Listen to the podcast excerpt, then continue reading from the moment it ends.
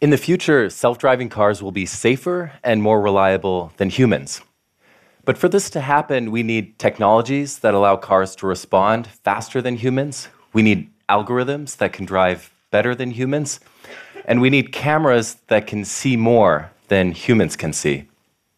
For example, imagine a self driving car is about to make a blind turn, and there's an oncoming car, or perhaps there's a child about to run into the street. Fortunately, our future car will have this superpower a camera that can see around corners to detect these potential hazards. For the past few years, as a PhD student in the Stanford Computational Imaging Lab, I've been working on a camera that can do just this a camera ca- that can image objects hidden around corners or blocked from direct line of sight. So, let me give you an example of what our camera can see. This is an outdoor experiment we conducted where our camera system is scanning the side of this building with a laser and the scene that we want to capture is hidden around the corner behind this curtain. So our camera system can't actually see it directly.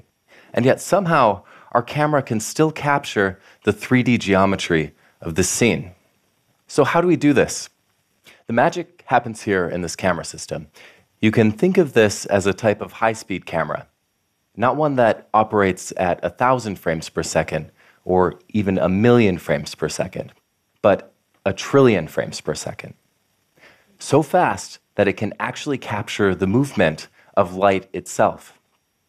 And to give you an example of just how fast light travels, let's compare it to the speed of a fast running comic book superhero who can move at up to three times the speed of sound. It takes a pulse of light about 3.3 billionths of a second, or 3.3 nanoseconds, to travel the distance of a meter. Well, in that same time, our superhero has moved less than the width of a human hair. That's pretty fast. But actually, we need to image much faster if we want to capture light moving at sub centimeter scales.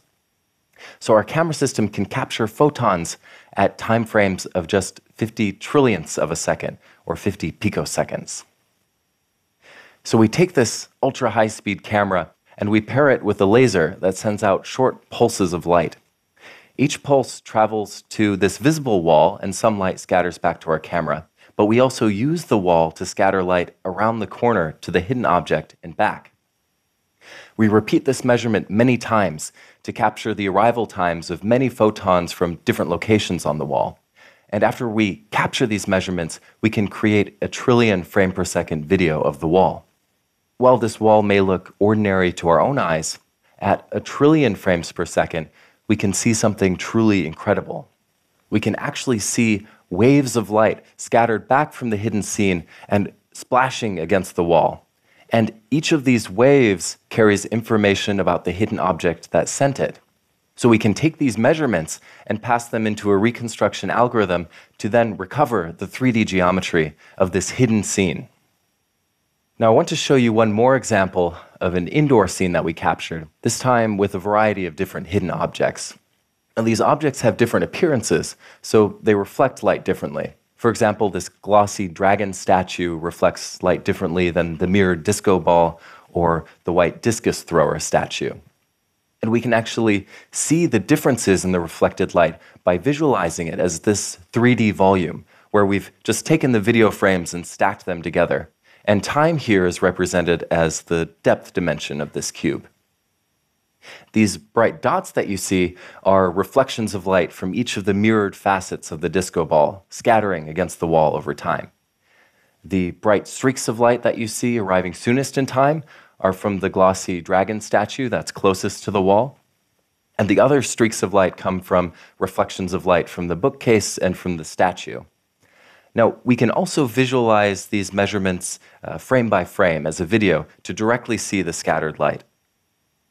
And again, here we see first reflections of light from the dragon closest to the wall, followed by bright dots from the disco ball and other reflections from the bookcase. And finally, we see the reflected waves of light from the statue. These waves of light illuminating the wall are like fireworks that last for just trillionths of a second. And even though these objects reflect light differently, we can still reconstruct their shapes. And this is what you can see from around the corner. Now, I want to show you one more example that's slightly different. In this video, you see me dressed in this reflective suit, and our camera system is scanning the wall at a rate of four times every second. The suit is reflective, so we can actually capture enough photons that we can see where I am and what I'm doing without the camera actually directly imaging me. By capturing photons that scatter from the wall to my tracksuit, back to the wall, and back to the camera, we can capture this indirect video in real time. And we think that this type of practical non line of sight imaging could be useful for applications, including for self driving cars, but also for biomedical imaging, where we need to see into the tiny structures of the body. And perhaps we could also put similar camera systems on the robots that we send to explore other planets. Now, you may have heard about seeing around corners before, but what I showed you today would have been impossible just two years ago. For example, we can now image large, room sized hidden scenes outdoors and at real time rates. And we've made significant advancements towards making this a practical technology that you could actually see on a car someday. But of course, there are still challenges remaining. Uh, for example, can we image uh, hidden scenes at long distances where we're collecting very, very few photons with lasers that are low power and that are eye safe? Or can we create images from photons that have scattered around many more times than just a single bounce around the corner?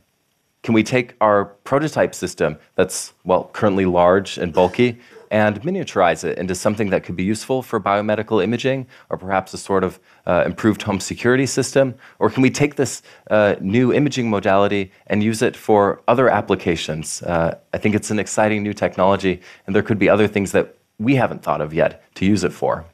And so, while a future with self driving cars may seem distant to us now, we're already developing the technologies that could make cars safer and more intelligent. And with the rapid pace of scientific discovery and innovation, you never know what new and exciting capabilities could be just around the corner.